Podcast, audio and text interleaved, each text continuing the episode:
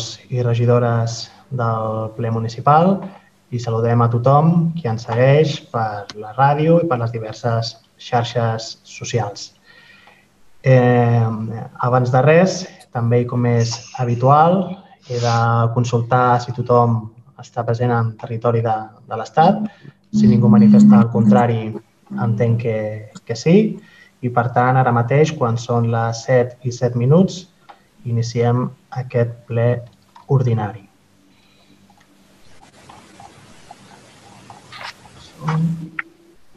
I el primer punt fa referència a l'aprovació de les actes de les sessions anteriors, concretament les sessions ordinàries de 28 de maig, sí, de 28 de maig i de 25 de juny i la sessió extraordinària amb urgència de 9 de juliol. Les donem per aprovades? Sí? Molt bé. Doncs s'aproven per unanimitat aquestes actes. Ara passem a despatx d'ofici, en el qual donem compte de la resolució d'alcaldia 2020-740, per la qual s'ha aprovat la concessió del recurs econòmic de 16.800 euros per la realització de l'actuació projecte estratègic Ripollet Vital en el marc del catàleg de la xarxa web locals de l'any 2020 de la Diputació de Barcelona. Donar compte de la resolució de l'alcaldia 2020-785, per la qual es nomena funcionari interina la senyora Dolores Quirós, categoria conserge de l'1 de juliol al 10 de setembre de 2020 donar compte resolució d'alcaldia 2020-813 de 1 de juliol per la qual s'aprova les actuacions a desenvolupar durant l'any 2020 dins del programa Plans d'actuació local. Pressupost mm, estimat de 276.659 amb 17, dels que 275.009 amb 17 serà destinat a la contractació directa de 26 persones i 1.650 euros despeses de capítol 2 amb l'objectiu de millorar i fomentar l'ocupació i l'ocupabilitat de les persones desocupades amb dificultats d'accés al treball i la situació de la qual s'ha vist agreujada per les conseqüències de la situació de la Covid. Donem compte de la resolució 2020-831 de contractació temporal de quatre monitors d'estiu de 2020. Els senyors Alberto Muñoz, Cristian López, Ferran Montes i David Berruezo, del 6 al 31 de juliol 2020. Donem compte de la resolució d'alcaldia 2020-833, es nomena funcionari interina per projecte la senyora Ana Maria Ruiz, en la categoria tècnica de contractació per un termini de 3 anys, del 12 de juliol 20 a l'11 de juliol, 12 de juliol 20 a l'11 de juliol 2023. I, per últim, donem compte de la remissió a la Generalitat de Catalunya de la documentació corresponent al pressupost 2020 de l'Ajuntament de Ripollet. Ara ja passem als punts d'acord, el primer dels quals és, fa referència a la desafectació de la finca de domini públic i permuta derivada de la modificació de PGM del carrer Sant Jaume.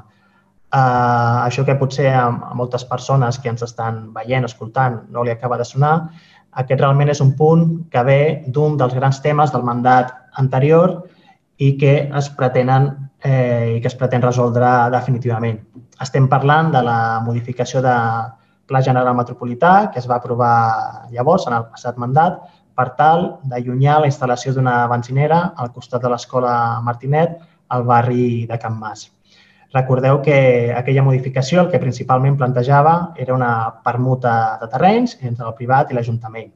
Doncs bé, passats els terminis d'aprovació definitiva d'aquells tràmits, ara el que cal és anar a la notaria i fer la reparcel·lació per tal d'escripturar la permuta d'aquest terreny. Però abans de fer-ho, i donat que la permuta inclou un solar d'equipaments, de, per poder efectuar aquesta permuta i registrar-la, el que requereix és fer la desafectació de la finca de domini públic. Per tant, és un tràmit més, és un pas d'un caire molt tècnic i urbanístic, però que és pertinent fer per poder eh, fer possible aquestes permutes i escripturar-les. Recordem també que aquest és un punt que requereix de la majoria absoluta d'aquest plenari. Així doncs, obrim posicionaments, intervencions per part de SOM? Sí, nosaltres votarem a abstenció. Gràcies. Gràcies. Per part d'Esquerra? Sí, per part, per part nostra el vot és favorable, a favor. Gracias. Ciudadanos. Sí, eh, buenas tardes a todos y a todas. Eh, por parte de Ciudadanos siempre nos hemos pronunciado en contra de la instalación de, de la gasolinera de otra gasolinera en el barrio de Cama. Creemos que le hace falta, que el barrio precisa de otros equipamientos y al mismo tiempo valoramos positivamente el hecho de que la gasolinera eh, se vaya a alejar de lo que es el barrio de Camas y concretamente de la Escuela Martínez. Por tanto, eh, nuestro voto en este sentido será abstención. Gràcies. PSC? El nostre vot serà a favor. Molt bé, moltes gràcies. Doncs amb les abstencions de SOM i de Ciutadans i el vot favorable d'Esquerra, PSC i Decidim, queda aprovada aquesta desafectació a la finca de domini públic corresponent. Passem al següent punt de l'ordre del dia, que és l'aprovació definitiva del projecte d'obres de millora de reforma interior del mercat municipal. Abans de res, però tal com també hem comentat a Junta de Portaveus, com aquest és un punt que no va ser dictaminat per les comissions informatives, el que cal és que el ple, per majoria simple, simple ratifiqui la seva inclusió en l'ordre del dia. Eh, per tant, ratifiquem, bueno, algú manifesta la seva contrarietat o abstenció perquè fa aquesta ratificació? Tothom a favor de ratificar la inclusió al punt? Sí? D'acord. Doncs, un cop ratificat a la inclusió d'aquest punt, l'expliquem breument. Recordareu també segurament que a principis d'any, d'aquest any 2020, es va aprovar inicialment pel ple municipal aquest projecte Reforma Interior del Mercat Municipal que recull diverses actuacions que es van explicar. Llavors, i com correspon, hi va haver un termini d'exposició pública en el qual es van presentar dues al·legacions de contingut molt similar i anàleg i que eren unes al·legacions que estaven en desacord eh, que la, amb l'actuació de, de fer possible un espai de degustació, ja que eh, això, segons les persones que al·legaven, podia comportar més competència a les activitats de bar que ja s'hi fan i s'hi desenvolupen al mercat municipal. El que es proposa en aquest cas és desestimar aquestes al·legacions i aprovar definitivament aquest, aquest projecte. El, el motiu ve també recollit de desestimar les al·legacions, ve recollit amb, amb l'expedient. Explicar que l'objecte principal que persegueix el projecte identificat consisteix en remodelar part de l'interior del mercat per poder donar més serveis a la ciutadania alhora que es vol actualitzar-lo i dinamitzar-ne el funcionament per al benefici dels paradistes existents i també de tota la població. Concretament, una de les actuacions està previst que una part de la, de la zona de degustació sigui per la nova parada, però que la resta de l'espai podrà ser compartit amb d'altres paradistes de venda de productes d'alimentació. A més, eh, entenem que la competència que s'alega no està del tot justificada, doncs no es tracta d'una concessió d'activitat de bar o restaurant exclusiu, sinó d'una parada de comerç amb degustació.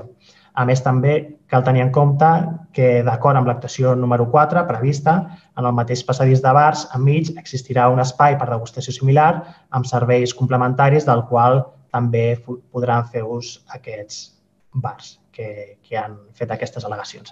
I, per tant, el que es proposa és, com deies, desestimar les al·legacions i aprovar definitivament aquest projecte de reforma interior del mercat municipal. Posicionaments per part de SOM? Sí, a favor favor, un segon que vaig anotant. Esquerra? Sí, eh, tot i que el nostre vot és a favor, també farem incís de que aquest projecte eh, és fruit dels recents acords eh, amb dos grups. Per tant, el nostre, el nostre vot és a favor. Gràcies. Gràcies. Ciutadans? Sí, eh, por parte de Ciudadanos el voto será a favor. SC? Bona tarda des del nostre grup volem que s'arrisquin més per fomentar, per fomentar el mercat i no sigui la crònica d'una mort anunciada. No veiem que des del govern aposti pel nostre mercat. Volem un mercat municipal amb uns horaris més competents, unes dependències corresponents al segle XXI, però no tenim res d'això. Després de cinc anys, són les primeres reformes que fan amb cara i ulls. Volem que aquesta millora sigui molt més ambiciosa. No es quedin només en quatre intervencions, sinó que vagin més enllà. Cal potenciar el mercat i donar-li la valor que es mereix al PSC sempre ens trobaran per fer del mercat la millor opció de compra per als nostres veïnes i veïns, com van fer en el mes de febrer el vot serà favorable. Gràcies. Favorable, entenc, sí. Molt bé. No sé si eh, i el, la regidora de l'àrea vol fer algun comentari. No? D'acord. Doncs queda aprovada, queda aprovat definitivament aquest eh, projecte i també avançar-vos que un cop aprovat finalment, eh, entenem que el proper dimarts a la Junta de Govern doncs, esperem poder portar l'adjudicació la, de les obres d'aquestes actuacions del mercat per tal que s'hi puguin executar el, el més aviat possible, presumiblement aquest mes d'agost. Molt bé. Doncs passem al següent punt, que és el punt cinquè, aprovació de la liquidació del contracte de gestió dels serveis de neteja d'edificis municipals i els seus patronats. Bé, aquí el que es fa és eh, aquest servei actualment eh, el prestem directament a través de, de Genera, tal com anteriorment a la Junta General hem, hem esmentat, i el que fem aquí és fer una liquidació amb l'empresa concessionària anterior, Celsa, relativa a la revisió de preus que va tenir lloc el 2019 de gener a juny. I és això eh, el que es planteja portar aquest ple. Donar per extingit el contracte de serveis de neteja d'edificis municipals i dels seus patronats municipals amb la mercantil Celsa, amb data finalització de la prestació objecte al contracte el 23 de juny de 2019 i aprovar la seva liquidació i també autoritza a disposar, en concepte d'endarreriments, la quantitat de 3.668 euros amb 22 cèntims IVA inclòs a Celsa, que s'aplicarà a les diferents aplicacions corresponents del període comprès entre el dia 1 de febrer 19 fins al dia 23 de juny de 2019. I també, com hem esmentat, la Junta General, però aprofitem la publicitat d'aquest ple municipal, recordar que fa poc més d'un any que l'empresa municipal Genera, que porta la, la gestió de la neteja als equipaments públics municipals, així com la de les escoles Bressol, ha fet un any de vida i estem molt contents i orgullosos de la feina que s'ha anat fent i esperem que mica en mica es vagi consolidant i que vagi creixent tota la família i el que és l'empresa municipal de Genera. Passem a posicionaments per part de SOM.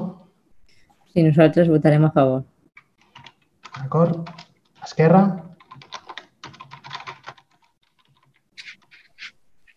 Sí, perdó, a favor. Ciutadans. Sí, por parte de Ciudadanos, abstención. D'acord. I PSC? Eh, per la nostra part també serà abstenció. D'acord. Doncs amb les abstencions de Ciutadans i PSC i el vot favorable de, de la resta queda aprovat aquest punt. Ara ja passem al punt de les mocions. La primera d'elles, presentada pel PSC, moció sobre la participació del món local en la gestió dels fons provinents del Pla de Recuperació per Europa Next Generation. Qui la presentarà? Sí, la, senyor alcalde, la, la presentaré jo. Bona tarda. D'acord, endavant. Sí. Passarà a llegir-la. Eh, davant les conseqüències econòmiques i socials que s'estan produint fruit de la pandèmia de la Covid-19 i que han comportat una pressió enorme als nostres sistemes públics de salut i benestar social, la majoria de les administracions públiques estan aprovant plans extraordinaris per a la reconstrucció o recuperació socioeconòmica que permeti fer front a la situació actual per reconstruir el futur de forma solidària i pròspera. En el cas de la Unió Europea, la Comissió Europea ha tancat, ha presentat la proposta de Next Generation EU, un nou instrument temporal de recuperació que presenta una capacitat financera de 750.000 milions d'euros que es basa en tres pilars. Instruments per donar suport als esforços dels estats membres per recuperar-se, reparar els danys i sortir reforçats de la crisi. El segon, mesures per impulsar la inversió privada i donar suport a les empreses en dificultats. I per últim, tercer, reforç dels programes clau de la Unió Europea per extreure conclusions de la, de la crisi. Fer que el mercat únic sigui més fort i resilient i accelerar la doble transició ecològica i digital. El Pla de Recuperació per Europa és la proposta més ambiciosa elaborada en el si de la Unió Europea en els darrers anys. Significa un salt qualitatiu en el procés d'integració europea ja que per primer cop estableix una mutualització del deute entre els estats membres de la UE. El pla representa per a Espanya un ingrés de recursos extraordinaris de 61.618 milions d'euros del mecanisme de recuperació i residència i 1.355 milions d'euros del Fons de Transició Justa.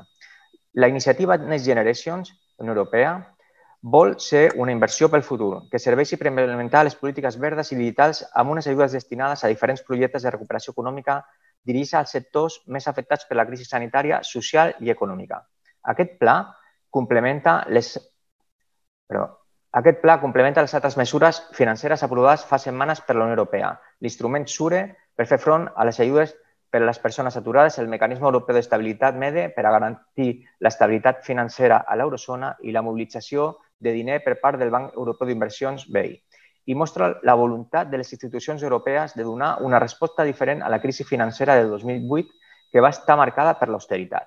A falta de la seva aprovació definitiva, que això ja, ja s'ha aprovat de, de forma definitiva, que estava prevista pel dia 17 i 18 de juliol, i de conèixer els detalls concrets del pla, des de la Generalitat de Catalunya cal preparar l'escenari per tal de poder fer una execució eficaç d'aquests fons per tal de donar resposta a les necessitats de la ciutadania. En aquest sentit, és important reforçar la coordinació amb el Govern d'Espanya per poder canalitzar els fons de la manera més adequada i eficient possible en el moment de gravetat extraordinària que estem patint.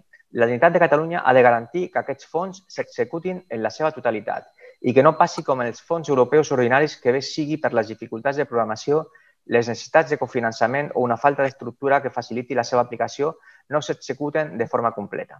Donada la greu crisi econòmica provocada per la pandèmia, cal aprofitar al màxim els recursos a l'abast Cal evitar repetir la situació de les polítiques d'ocupació provinents dels fons socials europeus que actualment no s'executen en la seva totalitat o s'han d'evitar prendre decisions unilaterals com la reprogramació del fons FEDER, que van causar discrepàncies entre diferents departaments de la Generalitat sense un acord previ entre administracions. Cal que la Generalitat de Catalunya estableixi un sistema clar de repartiment de les ajudes extraordinàries europees i que ho faci de la mà de les entitats municipalistes i els ajuntaments. Les administracions locals, com a administració més propera a la ciutadania, és que està rebent, en la majoria de casos, una pressió més elevada a la ciutadania. Les petites empreses i comerciants que els sol·liciten ajuda per poder fer front a les dificultats econòmiques i socials que estan patint fruit de la pandèmia. Els ajuntaments, com van demostrar ja amb la crisi econòmica del 2008, són els més eficients a l'hora de gestionar serveis i ajuts socials i moltes vegades amb, un, amb una greu manca de finançament. Per tant, sota el principi de subsidiarietat, tan fonamental a la Unió Europea, cal assegurar que aquestes ajudes extraordinàries arribaran a les administracions locals. Entre els objectius que la Comissió Europea ha marcat com a condicionants per a l'aplicació del Pla per a la recuperació europea destaca la transformació de l'economia catalana en una agenda verda, digitalització, resiliència en la indústria i la lluita contra la desigualtat. Aquests reptes coincideixen plenament amb els que té la societat catalana en el seu futur immediat i en els que els municipis són capdals en la seva aplicació i foment. Per tant, des del món municipal reclamen a la Generalitat que ens garanteixi els recursos necessaris per convertir la crisi que ha provocat la pandèmia en una oportunitat per transformar l'economia del demà. Una economia per poder fer front als principals reptes de futur com són el canvi climàtic i les creixents desigualtats. Per tot l'exposat, el grup municipal socialista presenta els següents acords en aquest ple municipal. Primer, instar a la Generalitat de Catalunya que faci un front comú amb el govern de l'Estat per reclamar l'aplicació del pla de recuperació en nous condicionants que evitin les polítiques econòmiques basades en l'austeritat. Segon, reclamar a la Generalitat de Catalunya a implicar i pactar amb les diputacions i entitats municipalistes catalanes en establir el mecanisme de repartiment i gestió dels fons europeus extraordinaris per garantir que els municipis rebren el, el finançament adequat per assolir una justa i equilibrada reconstrucció sanitària, social i econòmica del territori. Tercer, instar de forma urgent en dotar de més recursos als ajuntaments per mitjà del retorn del SOS FEDER, que la Unitat de Catalunya va retirar a les corporacions locals, a les universitats i als centres de recerca. Quart, demanar a la Comissió Europea que tingui present la necessària reorientació dels programes d'atribució dels fons europeus del període 2021-2027 perquè les noves prioritats s'adaptin a la reconstrucció socioeconòmica local.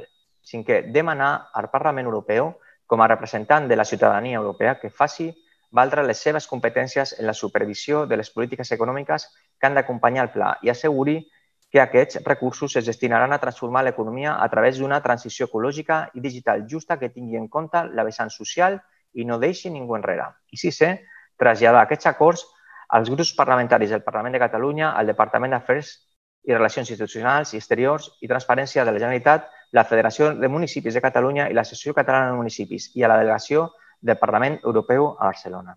Gràcies. Gràcies. Obrim torn d'intervencions. Per part de SOM?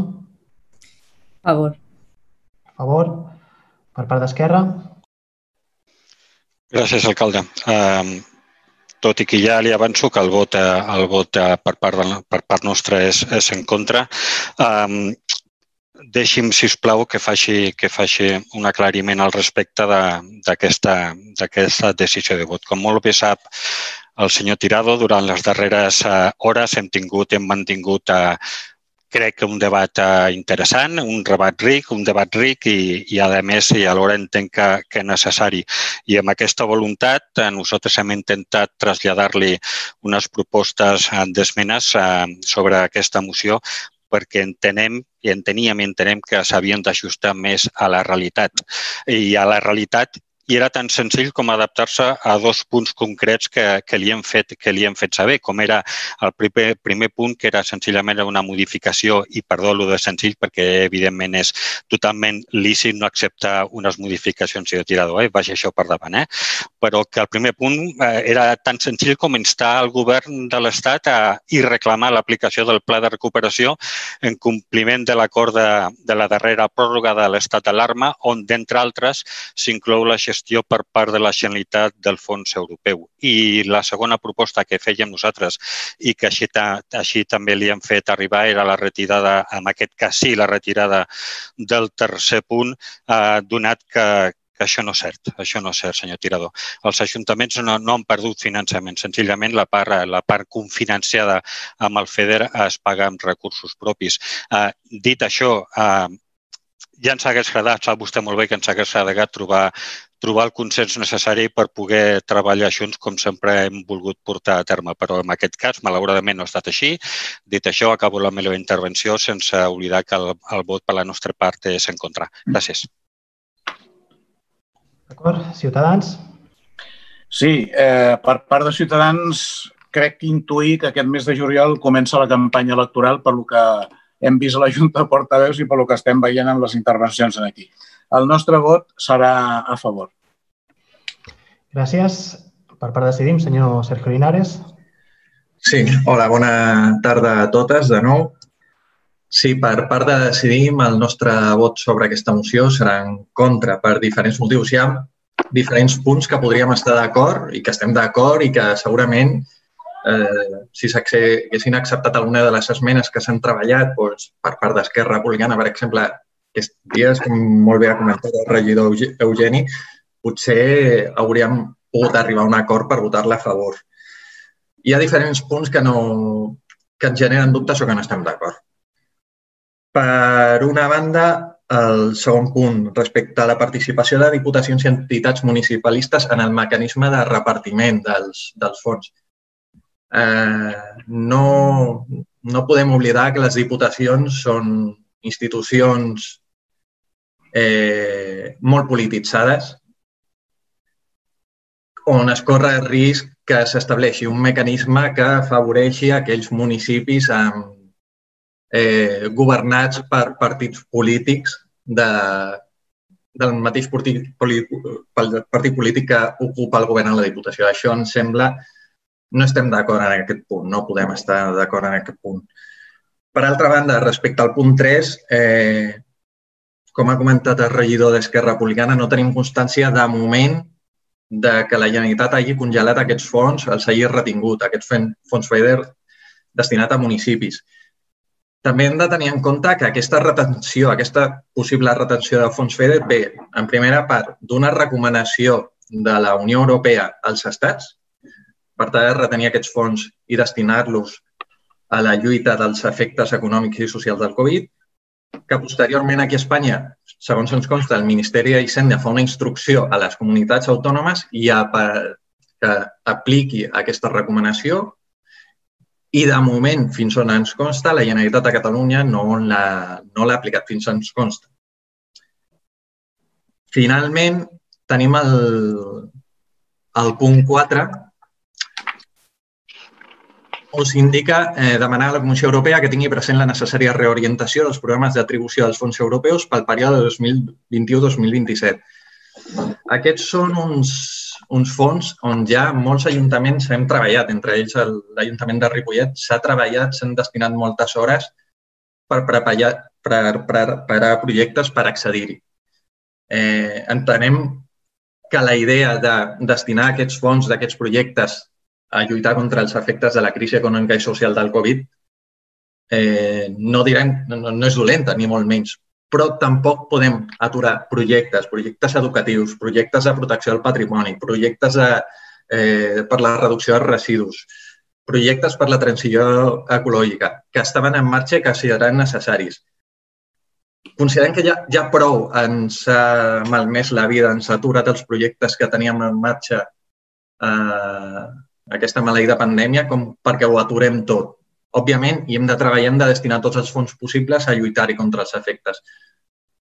Però tampoc podem aturar tots els projectes que teníem previstos en què s'havien destinat moltes hores, molts esforços de treballadors municipals i que considerem que són projectes que en la nova normalitat que estem vivint són igual o més vàlids que eren en el seu moment. Per tots aquests motius, el nostre vot respecte a aquesta moció serà en contra.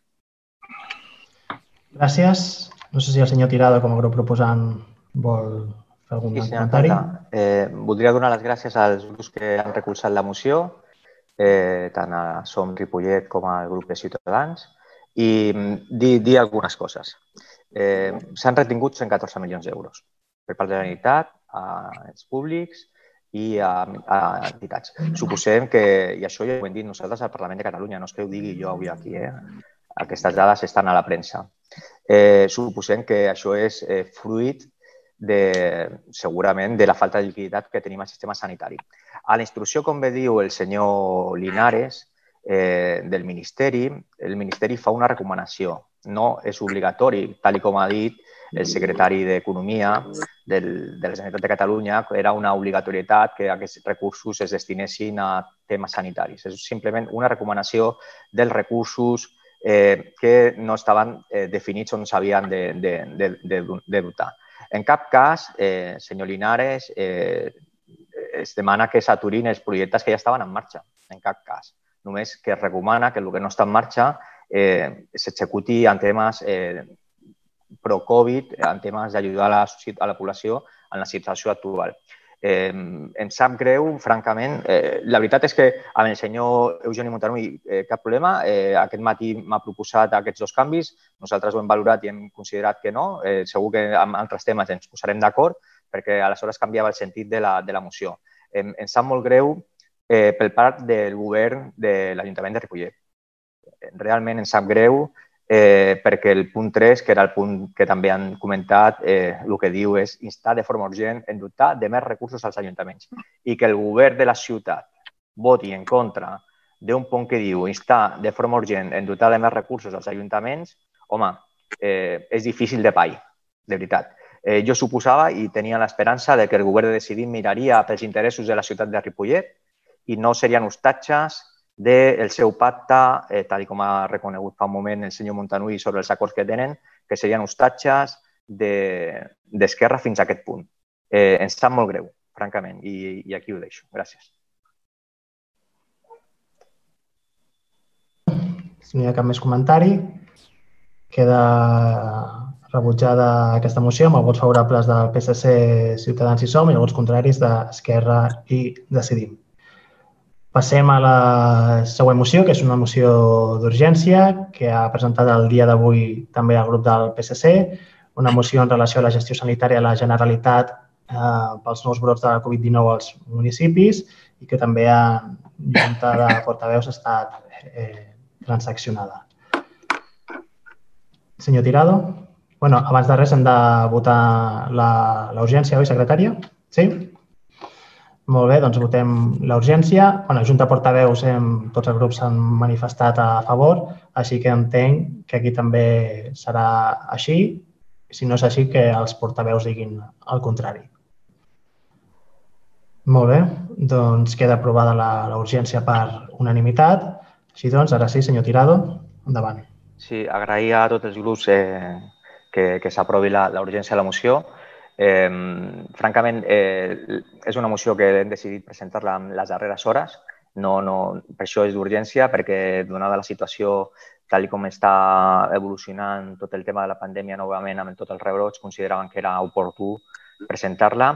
Eh, com bé ha dit el senyor alcalde, a la Junta de Portaveus l'han consensuat amb la voluntat de que sigui una moció que, que sigui una moció que intenti aglutinar el màxim de recolzament possible dintre del, dintre de l'Ajuntament i passo, passo a llegir-la. Eh, com era previsible, aquests darrers dies s'han anat produint cada vegada en més àmbits territorials de Catalunya nous brots de la Covid-19. Els més importants en aquests moments són el primer que es va produir a la comarca del Segrià, Figueres, l'Hospitalet, Barcelona Ciutat i els municipis de l'àrea metropolitana de Barcelona. Quasi tots ells ja han passat a ser de transmissió comunitària, perdent així la capacitat de rastreig. Des del Parlament, en exercici de la seva tasca de control del govern, s'ha ofert col·laboració i lleialtat institucional, però a la vegada exigint accions coherents, proporcionals, eficaces i valentes. No podem permetre que el sector sanitari no tingui a disposició de tots els recursos humans i materials necessaris per fer una detecció eficaç dels positius, investigació dels casos, rastrelladors dels contagis i aïllament dels pacients positius per poder fer front a aquesta nova situació. A més, les dates evidencien que en aquest moment són molts els positius dels quals no es pot fer rastreig acurat de contactes per la manca de personal format per poder-ho realitzar. A aquesta situació cal afegir la incertesa jurídica inicial a les modificacions de decrets que va tenir que dur a terme el govern. Estem, doncs, en un moment capdalt d'un creixement de casos i de necessitat de prendre mesures de contenció adequades a cada territori sobretot, coordinades amb els ajuntaments. Les decisions l'organització dels equips i posar les mesures de recursos humans i tècnics és de la conselleria, però no pot obviar-se de nou l'ajut que ofereixen els ajuntaments als seus alcaldes i alcaldesses i tot i tots ells i les regidores. És necessària que mai la coordinació dels serveis de salut amb els serveis socials per poder detectar aquelles possibles persones transmissores i que a la vegada, per la seva vulnerabilitat social, els cal que se'ls faciliti recursos socials. Per tot plegat, el grup municipal socialista proposem els següents acords per a la seva adopció en aquest ple. Exigir unitat d'acció, corresponsabilitat i professionalitat de totes les administracions públiques implicades, Generalitat, Ajuntaments i Govern de l'Estat, en la presa de decisions davant aquesta nova emergència sanitària de brots de contagis, sumant també a les entitats de la societat civil per anar tots a la una i utilitzant tots els recursos disponibles per contenir el Covid-19 i compensar els efectes adversos. Demana urgentment que el Govern de la Generalitat comparteixi amb els municipis l'anàlisi epidemiològic amb els índexs de transmissió i la resta d'indicadors sobre nous brots i contagis, per tal d'ajudar els ajuntaments a prendre les millors decisions en matèria de prevenció i accions comunitàries. Disposar de més recursos per fer una detecció avançada i de rastreig de contagis, així com assegurar l'aïllament de tots els positius i seguiment dels seus contactes per part de més dotacions de rastrelladors, per això requerim més suport del sector sanitari. Establir entre el Govern de la Generalitat i els ajuntaments directament afectats per nous i possibles bro futurs brots una taula comuna d'emergència social amb capacitat per dotar de recursos suficients per ajudar el territori, empreses i famílies afectades per l'actual situació. Hem de treballar perquè cap persona quedi desatesa o sense recursos. Reobrir els CAPs i els consultoris locals de salut que resten tancats en aquells municipis que no es troben dins un confinament o amb recomanacions de limitació de la mobilitat per tal de no deixar orfes d'assistència a veïns i veïnes posant especial atenció als col·lectius més vulnerables. Reiterar el compromís del municipalisme de seguir treballant en el control i la gestió dels contagis amb tots els recursos disponibles i amb la lleialtat institucional, traslladar aquests acords al molt honorable president del Govern de la Generalitat, a la consellera de Salut, al president del Parlament de Catalunya, als presidents presidentes de les diputacions provincials, a la delegada del Govern de l'Estat a Catalunya, al síndic de Greuja i als presidents de la Federació de Municipis i l'Associació Catalana de Municipis. Gràcies. Gràcies, senyor Tirado. Per part de SOM. Sí, eh, nosotros queremos decir que no podemos volver a vivir otra vez lo que hemos vivido hace unos meses. Por ello debemos poner remedio en estos momentos y seguir luchando por las medidas y la protección y la prevención de los ciudadanos de Ripollet, entre otros. Así que nuestro voto será favorable. Gràcies. Per part d'Esquerra, Eugeni. Uh, sí, gràcies. Gràcies, senyor alcalde. Uh, abans de res, uh, i és de justícia, volem agrair la voluntat a, eh, per part de Decidim per, fer, per proposar refer el text d'aquesta aquesta, aquesta moció, en aquest cas eh, tot i que el vot eh, no serà pel text final, sinó per la que hem constatat mala llet demostrada per part del Partit Socialista de Catalunya. Eh, sense cap mena de dubte, eh, un dia com avui eh, posa, posa a prova moltes coses, moltes coses.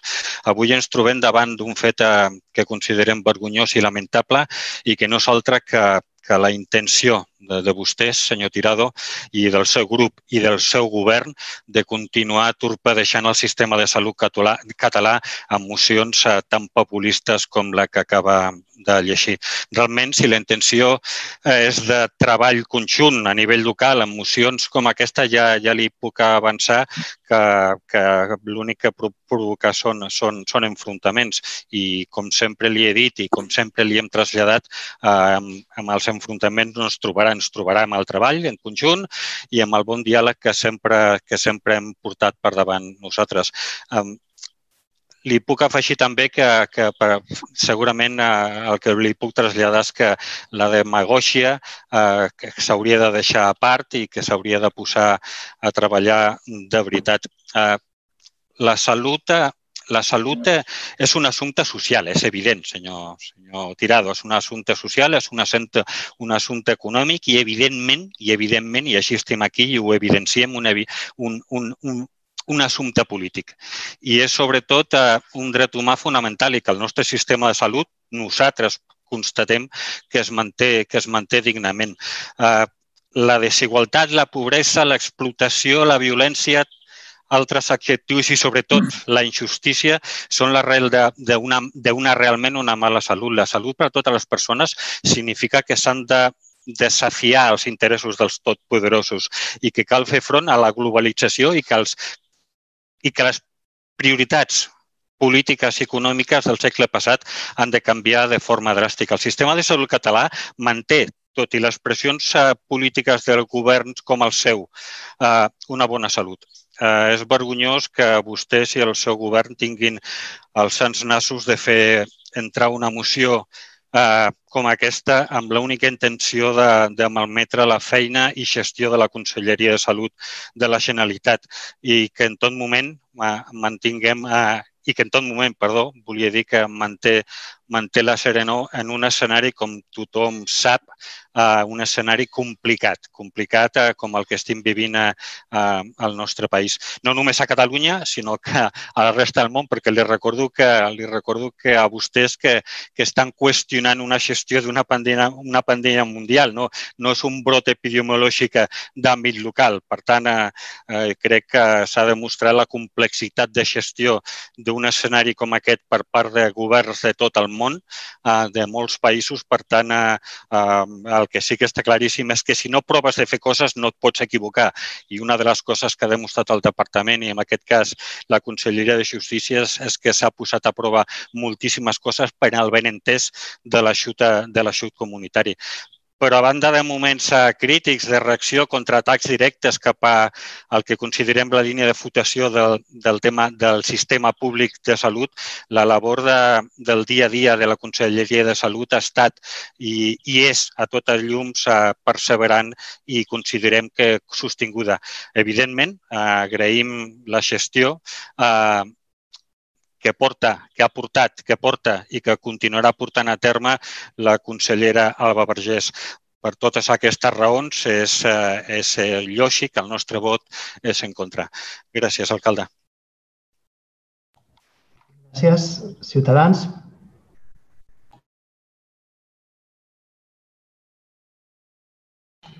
El micròfon, senyor Gavarra. Ara se'm sent? Sí. Sí, doncs eh, des de Ciutadans sentim molt discrepar de les paraules d'Esquerra Republicana.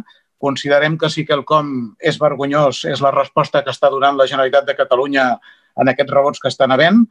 Eh, està clar que com a Generalitat la camisa li va gran i sento dir que la consellera Alba Vergés s'hauria de dedicar doncs, a vendre castanyes i no a portar la política que està portant a terme. El nostre vot serà favorable. Gràcies. Des del govern jo mateix faré la intervenció i alguns comentaris al, al respecte. En primer lloc, eh, doncs, com s'ha comentat anteriorment, sobretot per part dels portaveus del PSC i d'Esquerra, per part de Decidim i des del govern, el que hem volgut fer aquesta tarda i a través de la Junta de Portaveus és una moció que ha entrat avui d'urgència, que tenia una càrrega molt important d'una valoració política i de partit molt, molt particular, doncs també treure eh, bona part d'aquesta càrrega política i partidista per tal d'intentar que aquesta moció es pugui aprovar amb el màxim suport possible i, en tot cas, també volíem minimitzar els vots eh, en contra, que tot i així eh, veiem que s'ha produït un. Eh, entenem, evidentment, que cadascú tenim el nostre posicionament al respecte de la gestió que estan fent les diverses administracions, Generalitat, Estat, Ajuntament, Unió Europea, eh, qui sigui. Eh, I en aquest sentit, també el ple municipal és un espai adient on s'expressi aquesta pluralitat de, de punts de vista, que sempre l'hem defensada com una riquesa del nostre municipi, del nostre país, però també eh, el que volíem és, en mocions com aquesta, que tracta d'aquesta problemàtica tan vigent a dia d'avui com la de la Covid-19, doncs que pogués tenir els màxims suports possibles en aquest ple o, si més no, els menys vots contraris eh, possibles. I per això, en tot cas, també vull agrair al grup del, del PSC que s'hagi ha, ha vingut a acceptar aquests canvis. Eh, considerem que amb aquestes qüestions el que ha de prevaldre és una cooperació entre les diverses institucions, una cooperació també en tots els casos que sigui possible entre els diversos grups i partits. Creiem que així també en aquest mateix ple municipal ha estat la tònica al llarg dels últims mesos, eh, portant mocions conjuntament i aprovades per unanimitat, qüestions relatives a la, a la situació de la Covid, com també així es va manifestar amb l'aprovació per unanimitat del pla de xoc. I ens semblava des de Decidim i des del govern molt, eh, molt necessari doncs, continuar amb aquest eh, to de majories, de consensos en aquestes qüestions tan eh, importants, tot i que finalment també a ningú, tothom tenim el nostre posicionament i el nostre punt de vista pel que fa a les gestions que estem fent unes i altres administracions i en, nosaltres, i en aquest cas nosaltres com a govern municipal i com a alcalde també ens hi incloem. I hem volgut també, sobretot, eh, preservar o centrar-nos en la part més propositiva i constructiva que apareix en la moció i és tot allò relatiu a la voluntat i a la necessitat des dels municipis de tenir una major transparència pel que fa a les dades, per participar en els casos que sigui possible més continuadament, de forma més fluida, en les decisions que s'hagin de prendre o, si més no, estar informats en tot moment i, evidentment, doncs, seguir defensant la necessitat de més recursos pels municipis, però en especial per tot el sistema sanitari. I és això el que finalment des del govern, des de Decidim, és el que hem volgut prioritzar amb aquesta moció i per això eh, vam fer aquella, aquesta proposta d'esmena al grup proposant, que ens alegrem que, que hagi pogut acceptar-se i sortir finalment eh, endavant. Jo en aquest respecte, si, si em permeteu, doncs aprofitant que estem eh, comentant la situació de la, de la Covid-19 i a més aquesta moció que el portaveu del PSC ha defensat la urgència de presentar-la i que arribi a ple per la situació dels, dels eh, rebrots, doncs, alguns comentaris eh, breus que, que m'agradaria fer. Aquest matí s'ha celebrat un Consell d'Alcaldies del Vallès Occidental amb la presència de la Naran, la directora, la gerent de la regió metropolitana nord, on Ripollet s'hi insereix, com, així com també el Juli Fernández com a delegat del govern de la Generalitat a Barcelona i com les respectives direccions sanitàries de Vallès Occidental, ES i US i algunes idees que ens han eh, expressat eh, i com, les comento. En primer lloc, els casos positius a dia d'avui al nostre territori i en especial al nostre municipi estan controlats, però no sabem demà. no sabem demà si estaran controlats o si els podrem controlar. Altres qüestions. És cert que s'estan fent més eh, proves de PCR tant a persones que presenten ja algun símptoma, així com també a les relacions a les persones que tenen relacions més estretes amb aquestes persones que presenten sintomatologia. Però també, i de forma molt rellevant, és que hi està havent aquest repunt de casos a tot Catalunya, també a diversos punts de l'Estat, i la Metro Nord, el Vallès, Ripollet, no n'és una excepció. Repeteixo, a dia d'avui els casos eh, positius que han augmentat l'última setmana eh, estan controlats, però no sabem si demà o demà passat o la setmana que ve ho estarà. Per tant, màxima alerta, màxima precaució i, sobretot, seguir insistint a fer una crida a totes les mesures de prevenció, d'atenció, de seguiment, d'higiene, de seguretat, que siguin necessàries per poder fer d'ara i els propers mesos, fins que hi hagi un remei per a aquesta pandèmia, eh, aquesta convivència amb el coronavirus. I parant, sobretot, especial eh, atenció a les persones vulnerables per fer seguiment a la seva situació, persones vulnerables que sobretot segueixin, que mantinguin un, un, contacte amb persones que siguin uns, uns contactes limitats amb unes persones estables, que en la mesura que es pugui, doncs, que també evitin els espais tancats, també prestar atenció a col·lectius i espais que estan suposant eh, certs focus de, de contagi. I estem parlant d'espais familiars i, i també espais d'oci, cal extremar la, totes les mesures i tota prevenció és poca, així com també de forma molt rellevant, voldria posar sobre la taula perquè no sempre des de les institucions ho fem, també posar, donar la importància que requereix eh, que en els diversos llocs de, de treball de tots i totes nosaltres, totes les mesures d'higiene i de seguretat les mantinguem al màxim perquè també eh, poden esdevenir focus de, de contagi. I, per tant, eh, aquesta moció, finalment, amb, la, amb allò que recullen els acords, volem que pugui ser una eina per seguir avançant en aquesta línia de treball conjunt i cooperació entre institucions en favor de la transparència, la participació i de més recursos per totes les institucions que hem de eh, fer eh, totes aquestes actuacions de prevenció, de seguiment i d'atenció amb aquesta pandèmia de, de Covid-19 amb la qual haurem de conviure durant els propers mesos. I és donades aquestes qüestions, eh, d'aquí també el nostre vot favorable a aquesta moció. Molt bé, doncs no sé el grup proposant, senyor Tirado, si vol fer Sí, senyor alcalde, eh, li volia agrair les paraules que, que ha fet ara mateix sobre tot el tema de prudència, de que la gent tingui cura, perquè és veritat que la situació s'està complicant i força i li agraeixo molt les paraules que, que, que ha dirigit ara mateix al ple també pel, pel vot favorable del seu grup, al grup de Decidim i al grup de Son Ripollet també per vot favorable.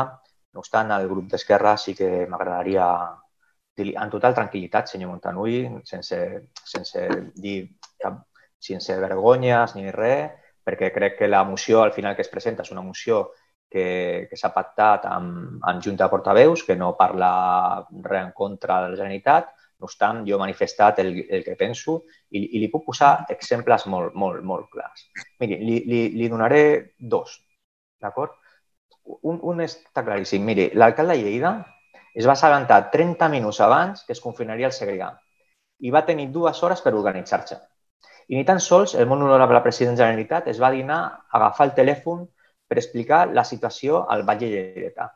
Això parlem de la falta de transparència que tenim als, als, als governs locals. I, i, i, I això jo ho he pogut parlar amb el senyor Suna i amb altres, amb altres alcaldes que hem demanat informació i no se sabien els casos que hi havia al municipi perquè la Generalitat no, no donava aquesta informació. I què dir del secretari general de Salut? Com pot ser que en un moment com el que tenim tinguem, tinguem tant de temps a la Generalitat sense secretari general de Salut? Aquests són dos exemples claríssims de la, de la gestió per, per nosaltres nefasta que està portant el Departament de, de salut de, de la Generalitat de Catalunya. I, I arriba un moment, tal com deia la Junta de Portaveus, que després de quatre mesos, home, ens hem callat molt, però és que ja es veu, es veu molt, sap? sap? I aquí el, el problema és que els ajuntaments estem farts de reclamar informació, farts de reclamar fons per pal·liar els efectes de la pandèmia, farts un govern que només pensa en eleccions, farts d'anuncis publicitaris que prometen allò que no poden complir, farts un govern que pensa només en els seus interessos i no en els ciutadans i ciutadanes. Aquesta és la realitat. I no s'ho prengui malament, però és el que pensem. I no és un tema de lesions o no lesions, és que la, la gestió i, i que està fent el Departament de, Sa de, Sanit de Salut de la Generalitat de Catalunya és, és nefast pels interessos dels veïns i veïnes, no de Ripollet, de tot Catalunya. I, i esperem que canvin. Esperem que ara, amb, amb, amb la nova incorporació del secretari de Salut, les coses millorin i que tinguin més sensibilitat amb el món local, que no l'estan tenint, de veritat, no l'estan tenint. I aquí ho deixaria. Gràcies. Gràcies. Si em permet, alcalde? Sí, breument, senyor Montanui, tanquem el debat.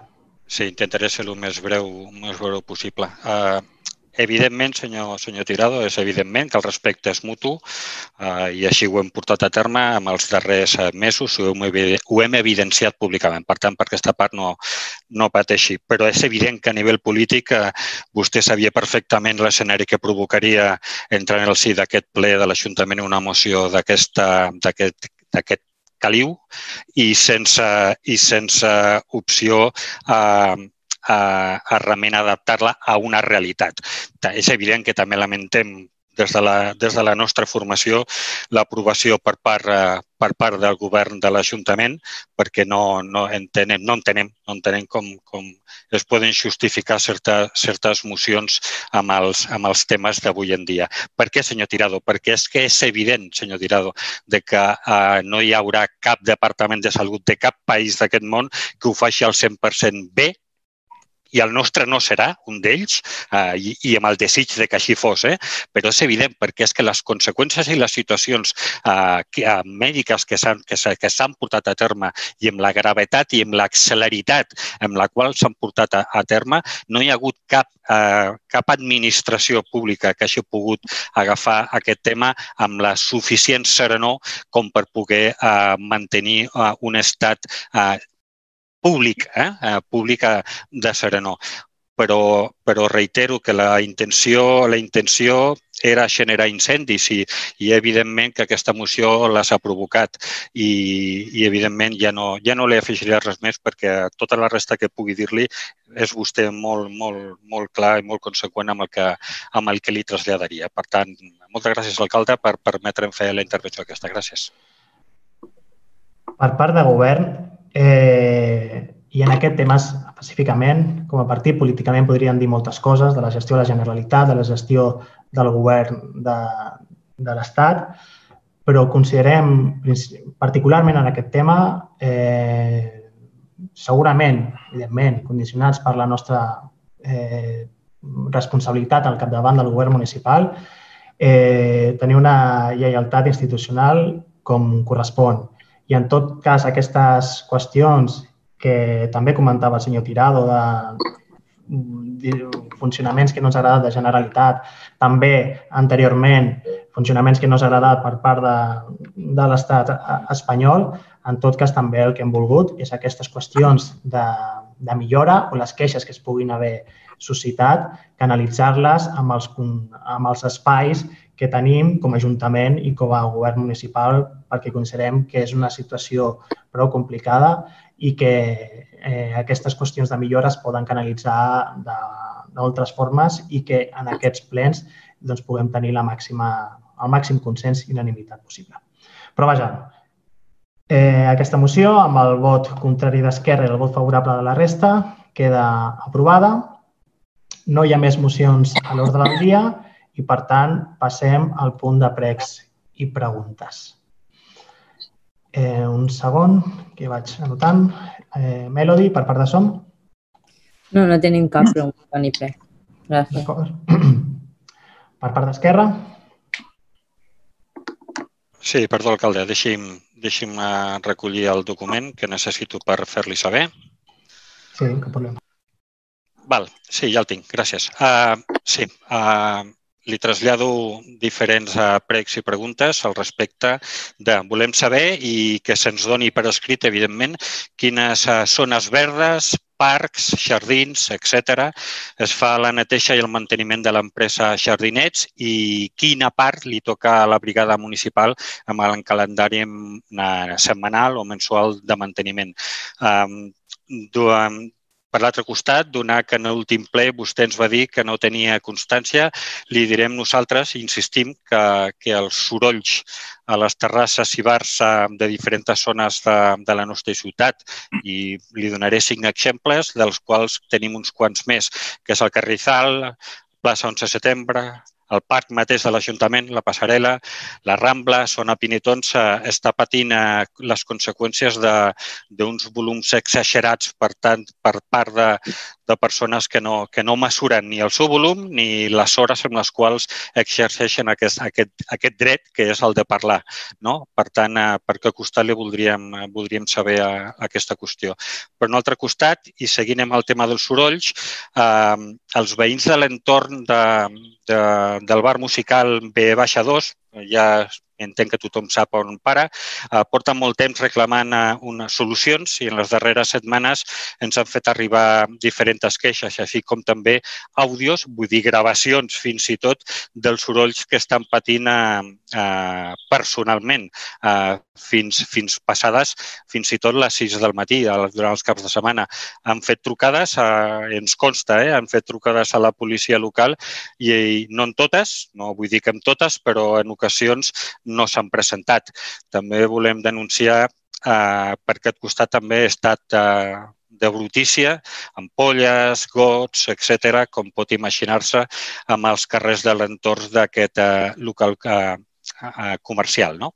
Eh, anem a veure. Per un altre costat, també voldríem sol·licitar que se'ns doni per escrit cada, cada quant temps es neteja els contenidors de, del nostre municipi segueixo, també tenim moltes queixes de la brutícia dels nostres carrers, com per exemple el carrer Pau Casals, Sant Joan, entorn del cementiri, eh, carrer Moncada, carrer Sol, que, carrer Serrer de Ter, eh, entre molts d'altres. De fet, la llista no vull, no vull aprofitar la situació i dir-li tota la llista que tinc aquí davant, però que, que és molta, molt extensa i alhora preocupant i de la qual tenim constància i voldríem saber què, què faran al respecte. Eh, segueixo eh, deuen eh, ser, eh, certs continguts d'alguns bars de la nostra ciutat no respecten amb els seus establiments la distància de seguretat entre les taules de les, eh, de les terrasses, com tampoc a l'interior, així mateix que no, que no neteixen els espais públics que, que ocupen. Eh, I això, evidentment, i en relació amb, el, amb, el tot, amb tot el que ens ha fet saber fa breus minuts, fa, té totalment relació, perquè si no es manté aquestes distàncies de seguretat eh, no, anirem, no arribarem a, a bon port i voldríem saber quin, quin control s'està fent d'aquests espais públics, d'ús públic, eh, en aquests locals eh, privats. Uh, per un altre costat, voldríem saber també quina, en quina periodicitat es neteixen els polígons industrials, ja que estan, uh, i ens consta, en, en estat uh, lamentable. Um, som coneixedors, per altra banda, que els carrers eh, que existeixen tot i que pugui sorprendre més d'un, encara avui en dia continuen existint carreres de cotxes al camí de la serra, eh, com, com la brutícia que generen cada cap de setmana un cop acaben aquestes carreres i voldríem saber, evidentment, si pensen fer alguna al respecte o senzillament aquí ja començarem a muntar eh, unes pistes oficials de carreres per un altre costat, els veïns de, del Parc de la, de la Solidaritat ens han manifestat i hem evidenciat i denunciem l'ús incívic dels espais condicionats a persones amb dificultat funcional, eh, així com també, evidentment, amb aquesta aglutinació de gent amb, amb sorolls fora d'hores eh, totalment justificades. Voldríem demanar també si poden demanar als bars que en el que es compren de les seves terrasses no, no el tirin potser a les papereres, sinó als seus propis eh, cubells d'escombraries, perquè les circumstàncies en la qual ens hem trobat en més d'un moment és bastant, eh, bastant vergonyós. Eh, dit això, i si vostè veu que, que, que potser li podríem fer arribar, i ja li dic, li faré arribar per escrit, perquè no es pugui deixar cap, a, cap petició que li fem, tant d'esmena com tant de pre com de pregunta, doncs, eh, li faré arribar. Moltes gràcies, senyor alcalde. D'acord, gràcies. Sempre es nota, però en tot cas sempre és, més, és millor per l'operativitat si ens ho podeu fer arribar. Correcte, correcte. Gràcies. Gràcies, senyor Montanui. Ciutadans? Sí, per part de Ciutadans jo faré una, un prec i el senyor Tàpia farà diverses preguntes. Senyor alcalde, des de fa unes tres setmanes, doncs, s'ha convertit en un hotel de tres estrelles. Eh, venen grups de joves, pengen les seves hamaques en els pins i doncs, es queden a dormir fent les seves festes nocturnes i això provoca doncs, eh, queixes d'alguns veïns. Jo personalment en sóc un d'ells, que visco just al davant, i veig com allò que tenim prohibit als partits polítics, que és de lligar cordills a la campanya electoral per les pancartes corresponents, doncs estan els pins plens d'hamaques penjades amb gent doncs, que venen a fer doncs, les seves festes aquí. Pregaríem, si plau, que em doni trasllat a la policia local perquè puguin observar doncs, aquesta conducta en un parc públic de Ripollet. Gràcies. Gracias, señor Tapia. Sí, buenas tardes de nuevo. Eh, en primer lugar, me gustaría eh, irme al alcalde porque, bueno, en Ripollet tenemos un problema eh, que en otras localidades también se da, que es de civismo, porque muchos de nuestros vecinos y vecinas no llevan la mascarilla por la calle. Me consta que algunos vecinos se han dirigido al alcalde para transmitirle su preocupación sobre, sobre este asunto. Y bueno, me gustaría saber también usted como regidor de seguridad qué directrices le ha dado a la Guardia Urbana eh, para que actúe contra estos incívicos y también el papel que está jugando en este asunto los Moscos. Contemplan la sanción a esos vecinos incívicos que no utilizan la mascarilla y ponen en peligro la salud de, los otros. Por otro lado, eh, me gustaría preguntarle a la regidora de, salud por el estado del, del, rebrote en nuestro municipio, en, en, Ripollet, si nos puede dar algún, algún dato acerca del estado en el que se encuentra nuestro municipio en relación a la COVID. Por otro lado, eh, me gustaría dirigirme a la regidora de, deportes para preguntarle sobre el número de abonados del polideportivo que se han dado de baja en los últimos, en los últimos meses. Si nos puede informar sobre la afectación que ha tenido la COVID a la hora de haber mermado el número de abonados al, al polideportivo. Eh, también, eh, y en relación al último pleno, preguntarle a la regidora de deportes sobre cómo van a afectar los recortes a lo que es el, polideportivo municipal. Más preguntas que me gustaría eh, hacer.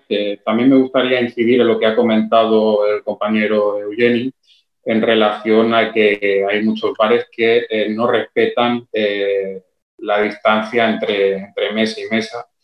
No son todos, porque no se puede generalizar. Eh, el gremio respeta en su mayoría lo que, lo que es la normativa, pero hay algunos bares, por desgracia, en lo que es mi barrio, en Can hay algún ejemplo que otro, que no respetan la distancia y rogarle también al señor alcalde que, que se ponga énfasis en lo que es el cuidado de esta, de esta normativa. Por otro lado, eh, me gustaría dirigirme al concejal de Memoria Histórica para eh, comentar un tema que desde el año 2015 eh, llevo comentando en diversos plenos y es el estado en el que se encuentra una placa que cuelga para entendernos de lo que es el estanco de, Pepito de Camas, una placa que habla del ensanchamiento del barrio de, de una placa que se encuentra en un estado lamentable y que se le ruega, por favor, que actúe de manera rápida porque es un rastro eh, inequívoco de cómo Ripollet creció y creció durante la Segunda República y creemos que debe de ser eh, guardado en un lugar eh, donde se pueda mantener en unas condiciones dignas y no viendo cómo día tras día se va deteriorando esa, esa placa de piedra. Por otro lado, también comentarle, al preguntarle al concejal de memoria histórica, en el año 2008, con motivo de las excavaciones paralelas a las obras del fallido Centro Integral para Gente Mayor, se descubrió un yacimiento eh, con más de 70 elementos de la edad de bronce. Nos gustaría saber dónde se encuentran, si se encuentran en el Museo eh, de Ripollet o en otro lugar. Y asimismo nos gustaría saber cómo, eh, si es que ha aumentado la colección que se exhibe en el Museo Municipal de Ripollet desde el año 2015. ¿Qué elementos se han sumado a, la colección que luce permanentemente en el, municipio, en el, en el museo. Asimismo, también eh, incidiendo en lo que ha comentado el compañero Eugeni, en esta última semana se ha originado un incendio en una nave que se encuentra abandonada en la calle Industria, una nave que está dando serios problemas, serios problemas eh, de seguridad, de incivismo, y nos gustaría saber si el gobierno municipal va a actuar, va a actuar contra la dejadez, el deterioro eh, por parte de los propietarios de esa eh, nave que se encuentra abandonada desde hace bastantes años y que está dando serios problemas. Tanto es así que esta semana, a primeras horas de la mañana, se produjo un, incendio del que tendrá constancia el, señor alcalde. Y por último, nos gustaría saber también eh, si el señor alcalde tiene algún tipo de novedad en relación a la construcción eh, del Hospital Ernest Lluch y eh, de la residencia. Y creo que no me dejo nada más. Muchas gracias.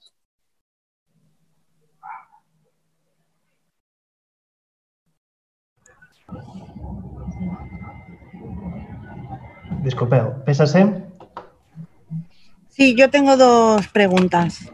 Eh, en el pleno pasado yo les hice una pregunta referente a la consultoría eh, externa para hacer el estudio de la gestión de horarios del pabellón Joan Creus y el anexo, para el entrenamiento de los diferentes clubes de Ripollet y las necesidades de nuevas instalaciones. Desde la revista Ripollet, los clubs se lamentan que una empresa externa gestione los horarios de las pistas y también creen que deben hacerlo los técnicos de deporte. Mi pregunta es, que ¿quién ha pedido hacer el estudio, el ayuntamiento o las entidades deportivas, como se nos contestó en el Pleno? Porque la respuesta que nos dieron no me cuadra. ¿Vale? Y la siguiente pregunta es, ¿cuándo tienen previsto pagar las subvenciones del 2019 a las entidades deportivas? Gracias. Siguiente.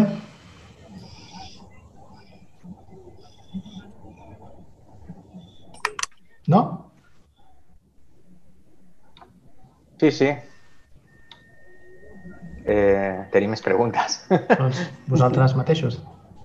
Eva, eh, Juan, eh, ir pasando. Si no, corto, ¿eh? Si no, no venga, ya, ya, que no viene nadie, pregunto yo. A ver, a ver, hola, buena tarde.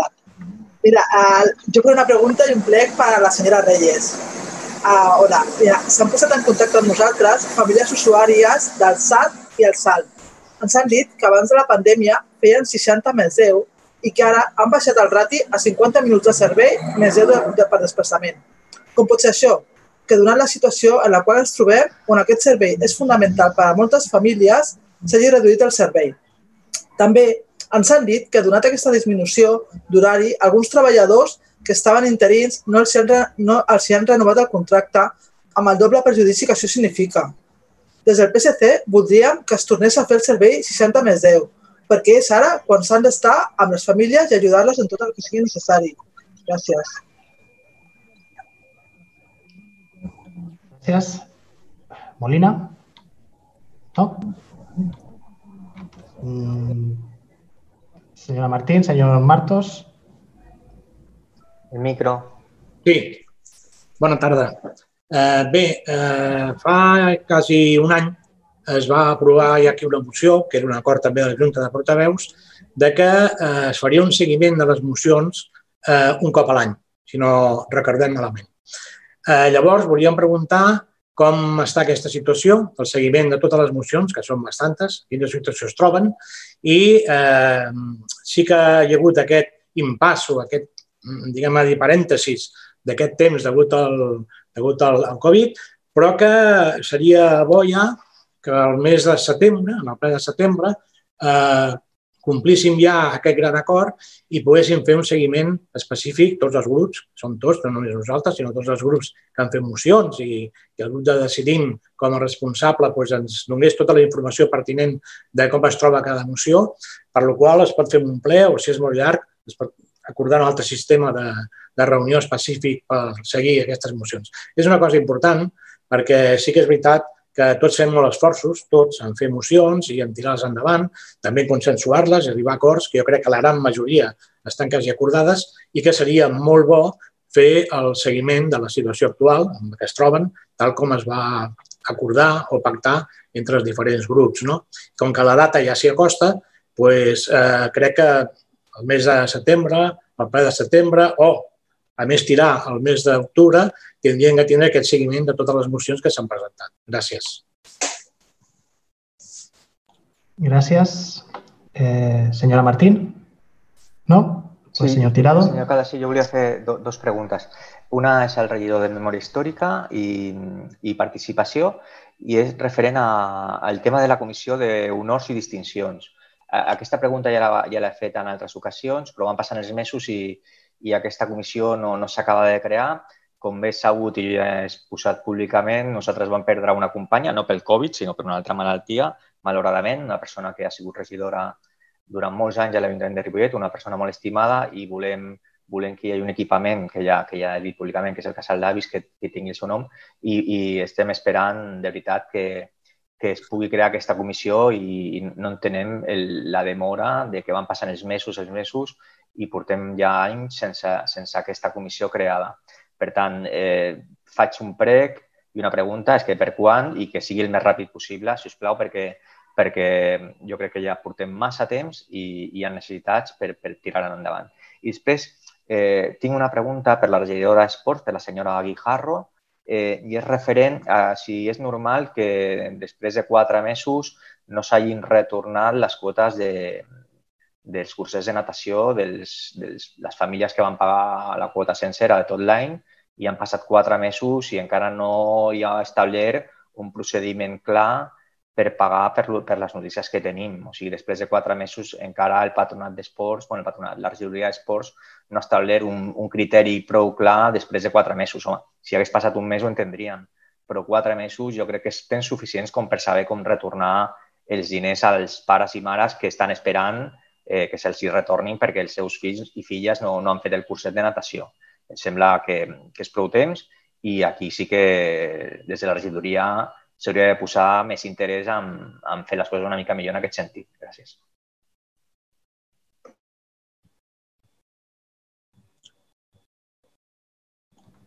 Gràcies. Doncs regidors, regidores que vulguin contestar. Eh, aneu aixecant una mica perquè... Senyor Fran Sánchez. Endavant.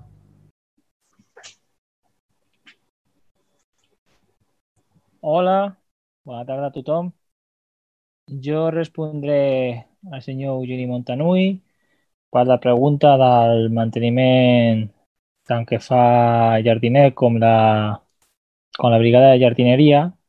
Bueno, el manteniment que normalment fa jardiner és de totes les zones verdes i enjardinades de Ripollet, tots els parcs de Ripollet, menys el parc Carles Ferrer, també fa el que és el, el vial de Ripoll, des del que és a Magallanes fins a l'entrada de Montcada, i per part de, de la brigada de jardineria faria el que és tots els arbres de la ciutat, el camí de la Serra, el Parc Carles Ferrer, zones com el recinte firal, el talús que dona l'autopista, i després, bueno, que s'aplica també doncs, que l'àrea metropolitana gestiona el que són els parcs Massot, el parc Regordosa i, i el parc Pinetons. Una miqueta eh, és aquest el manteniment general. Després d'abrigar, doncs, el manteniment dia a dia també de certes zones allardinades doncs, també, també es fa.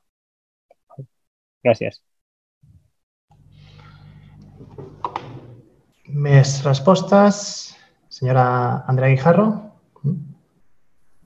Bona tarda. Uh, bueno, senyor Tàpia, uh, sí que és cert que, tot i que la taxa uh, dels abonats no s'està cobrant des, de, des del mes de març, doncs sí que s'ha notat una davallada en, en les baixes d'abonaments. Uh, com no m'agradaria dir una dada que no sigui correcta, uh, el més aviat possible te la faig arribar, concretament el número exacte, vale, Tàpia? I després em sembla que com afectaria el tema de les retallades a esports. Uh, bueno, tot el tema de la retenció de crèdit i la desviació del pla de xoc és una cosa que s'ha fet amb, amb la mirada general i de la mateixa manera a tots els departaments i si em preguntaves exactament, no, per, potser per les actuacions que teníem previstes al llarg d'aquest any, doncs la veritat que totes aquelles que ja estaven adjudicades o en procés de licitació, doncs aquestes continuaran endavant, però hi ha altres que potser estan més en stand-by o com podria ser el casos d'estudis uh, de climatització que, que teníem pendent pendents. A partir de setembre doncs, podrem fer aquesta valoració i determinar doncs, quines actuacions doncs, potser haurien de passar a 2021 i quines podem acabar de fer amb, amb el pressupost que, que tinguem amb, a l'últim trimestre d'aquest any. Després, el que, com a la pregunta de, de la Mari Carmen Gutiérrez sobre l'empresa ITIC.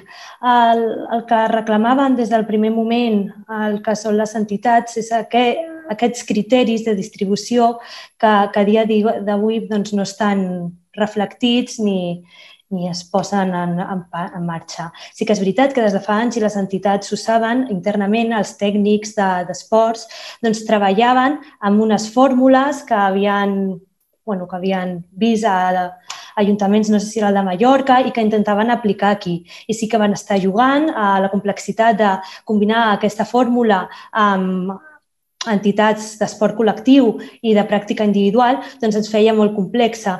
El fet de que una entitat ampliés els seus grups o en disminuís a, mitjans de temporada també feia que aquesta fórmula tal i com com s'havia estudiat, no? que feien els altres municipis, doncs distorsionava totalment i et podia deixar a meitat d'any doncs, doncs una mica desemparat. No? Uh, per tant, arrel de la impossibilitat de crear internament aquests criteris també per, pel poc personal que tenim a, bueno, a tota la casa, però també a esports, no? el poc volum que tenim de, de tècnics, d'auxiliars. Per exemple, el manteniment que teníem, no? abans fa uns anys era d'11 persones o de 7 i ara són 4.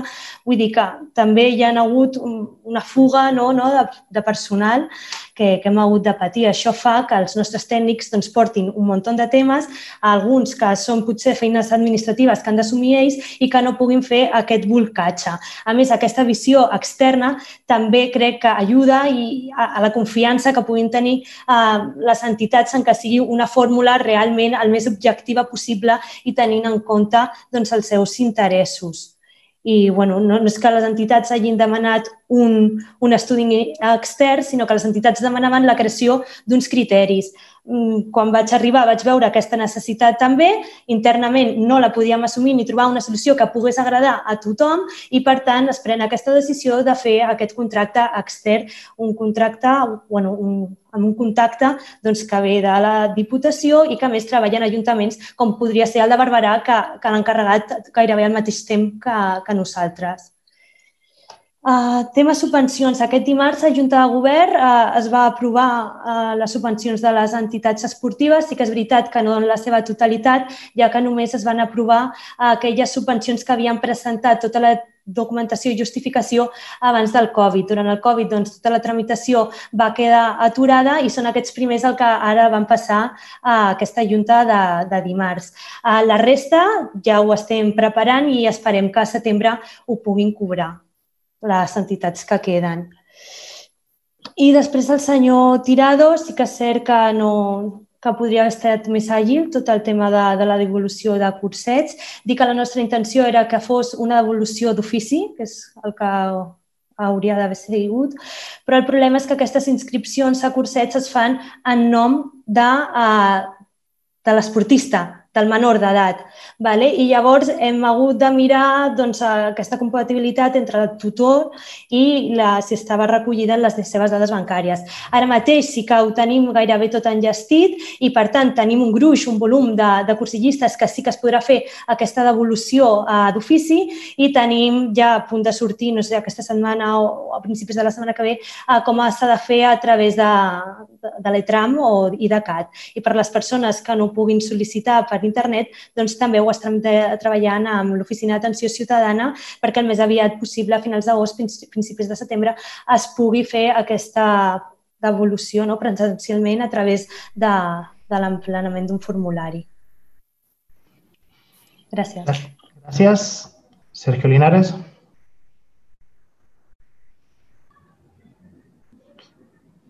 Micro. Sí, oh, disculpeu. Eh, bona tarda, bueno, ja gairebé bona nit de nou a totes. Eh, primer, un aclarament sobre les qüestions de la placa de Can Mas, el tema de, de jaciments, també arqueològics, eh, es porta de la, des de les regidories de patrimoni, que és una de les regidories que jo porto. El regidor de memòria històrica és el company Pablo. D'acord. Sobre el tema de la placa de Can Mas, eh, en som conscients de l'estat d'aquesta placa i volien intervenir, ens hem trobat en un problema, que és una propietat privada. Estem treballant en l'expedient de donació per tal que l'Ajuntament en sigui el propietari i pugui fer la, la intervenció. Ara mateix, de moment, com, com és una propietat privada, no és un no hi podem intervenir. Però ja s'hi està treballant i estem pensant en diferents idees. Eh, ja veurem en el seu moment quina és la més adequada. Una part que sí ens agradaria és que l'element continués al seu lloc, com a, que és el que li dona valor patrimonial. No? És una placa de senyalització, llavors creiem que ha d'estar en el seu punt. Una opció és substituir-la per una reproducció i guardar l'original eh, als fons de l'Ajuntament. És un, una opció, estem treballant. Sobre el tema de restes de l'excavació, eh, sí que hi ha una part de les restes que es van trobar, que són les restes òssies, que estan guardades al magatzem del, del Molí d'Enra, del centre d'interpretació. Per la resta, eh, consulta informació, també més informació sobre l'estat del tràmit de la gestió de, de la placa de Can Mas i, i te la trasllado tot, la trasllado tot eh, per escrit. Respecte al tema de la Comissió d'Honors i Distincions, en el sentit d'aquest canvi de nom d'equipaments que es vol sol·licitar. Justament aquesta setmana hem tingut la primera reunió per treballar el, el reglament de, el futur reglament de nomenclàtor i una qüestió que hem fet és que el canvi de noms d'equipaments de, ara estaria gestionat per aquest reglament tant de, de carrers, equipaments, espais públics, etc. Ho hem cregut oportú perquè estaria ja ordenat per un reglament municipal, no només per una comissió, sinó per un reglament municipal i que a més s'ha treballat molt en l'aspecte participatiu. Això permetria que que tant entitats com partits polítics, eh, persones hi poguessin participar en aquesta decisió. En, en darrera instància, la, la decisió passaria pel ple, però ens sembla una forma més participativa. En tot cas, eh, ara mateix, eh, la idea, els tempos amb els que treballem, és que passi pel, per l'aprovació inicial al ple de setembre a partir d'aleshores veurem ja, caldria fer eh, tots els tràmits per convocar aquesta, aquesta comissió, la comissió de nomenclàtor. Haurem de decidir si ens esperem a l'aprovació final, que seria el ple d'octubre, o si la convoquem abans, això ja ho decidirem. I a partir d'aquí ja es podria, podríeu fer la proposta eh, des, de la, des de la vostra formació política per sol·licitar aquest canvi.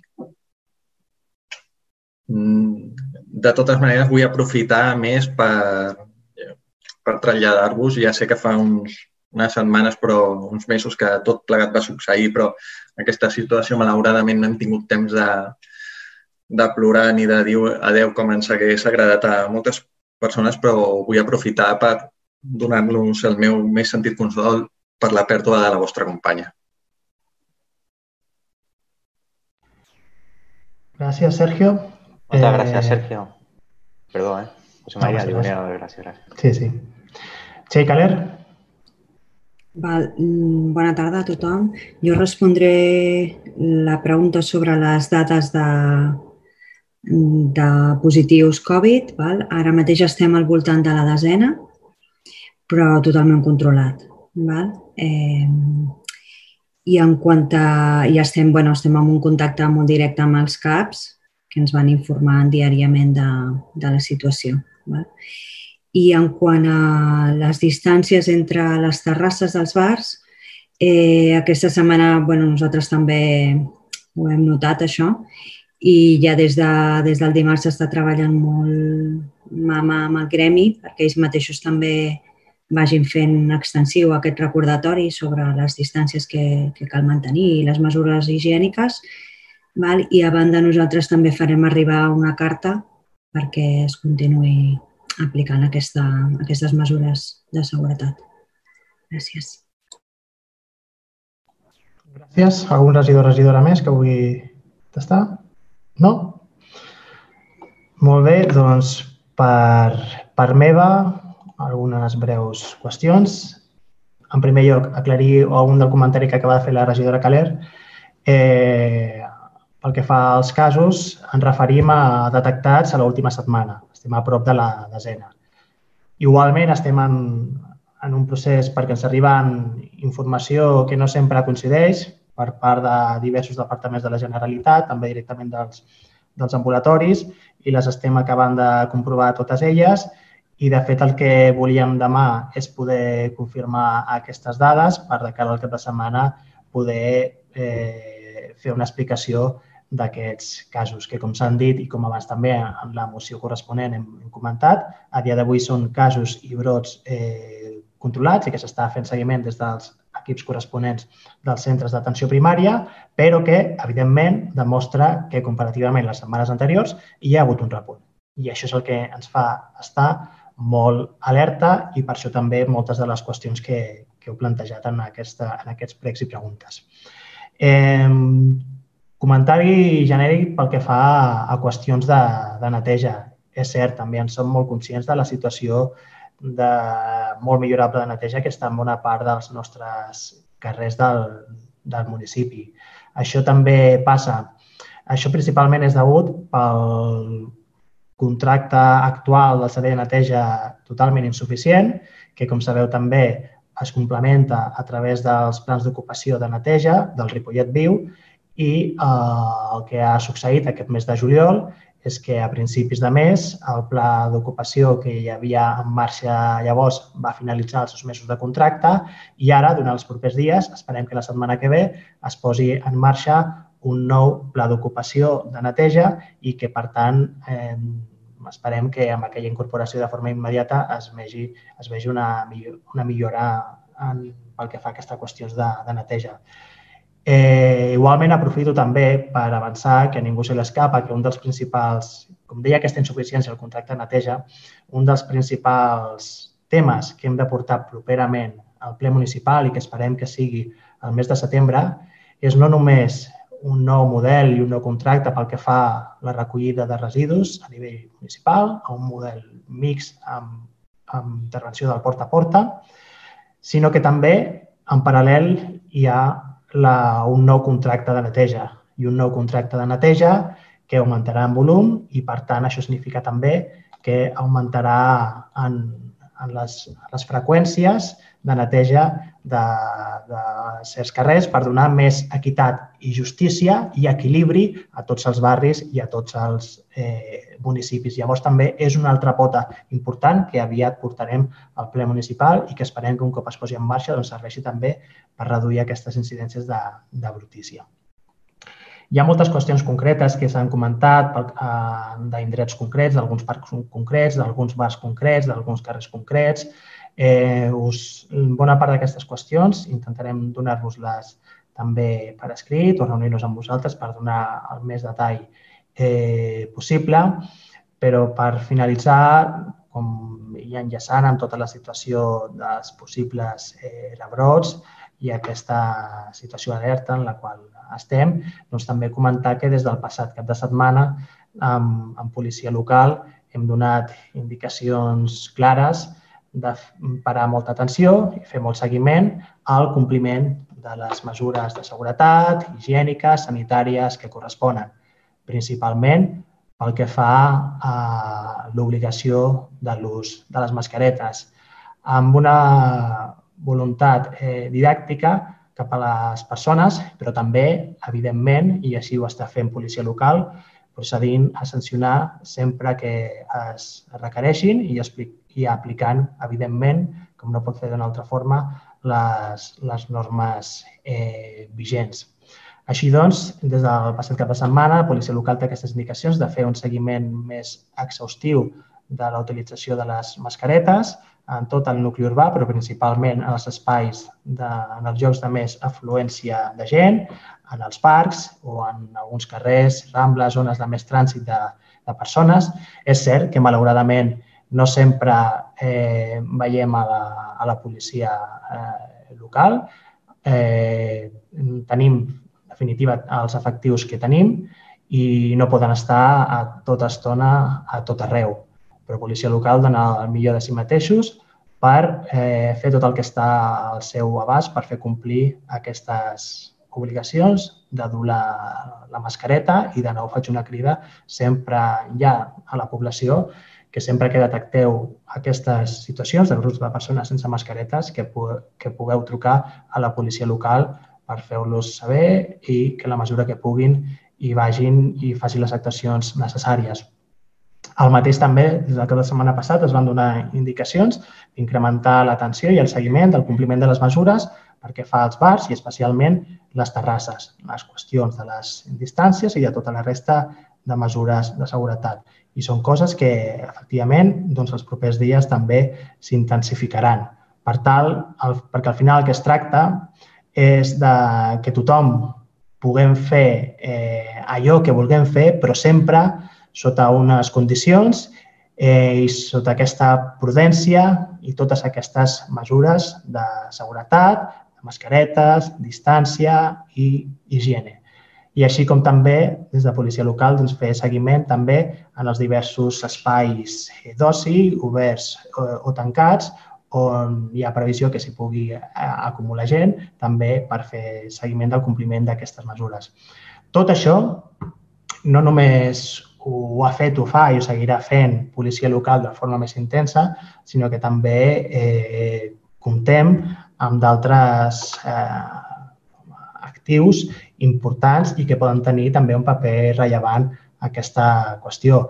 Com per una banda són la presència dels agents cívics, que també des de fa uns dies s'han incorporat a, a través de plans d'ocupació a la nostra ciutat i que també fan una tasca important per a aquestes qüestions, així com també la presència d'un educador de carrer que haurà de tenir protagonisme i visibilitat per part de, sobretot, dels col·lectius de, de gent eh, més jove, poder parar aquesta atenció i seguiment per tal de fer possible el compliment de totes les mesures necessàries. I, evidentment, doncs, sense defallir, caldrà insistir i continuar amb totes les campanyes informatives i comunicatives, recordant les mesures que entre tothom hem de complir. Molt bé. Eh, hi ha algunes quantes qüestions que no han estat contestades, però que intentarem fer-vos-la arribar en tot cas, també, en aquest cas, el, el més aviat possible, donat que ja per finalitzar, eh, avui és el, celebrem el ple ordinari de juliol, el mes d'agost eh, esperem poder tenir alguns dies de, de descans i de vacances eh, qui pugui. Per tant, el mes d'agost no hi haurà ple, malauradament tampoc hi haurà la festa major. Així doncs, ens tornem a, a retrobar el mes de setembre amb el següent ple municipal i, en conseqüència, això comentava, més enllà del títol informatiu, per tal que intentarem que certes informacions que no hagin d'esperar a, a finals de setembre, qualsevol cosa, doncs també ens podeu contactar per tot allò que, que necessiteu. Així doncs, sense més, desitjant-vos un, unes bones vacances a tothom qui, qui ho pugueu fer, que descanseu també en la mesura que, que pugueu, donat que estan sent uns mesos molt intensos d'una activitat inesperada i també, sempre que es pugui, doncs, poder gaudir d'aquests dies de descans perquè la salut també, la salut mental també és molt important i aquests descansos també esdevenen imprescindibles per tots i totes nosaltres. Així doncs, sobretot, gaudiu al, al màxim d'aquests dies i sobretot cuidem-nos molt per, eh, per aquests dies, aquestes setmanes que venen, a nivell de municipi i a nivell de país, doncs està el millor possible. I doncs, ja sí, aixequem la sessió. Moltíssimes gràcies a tothom i bon estiu.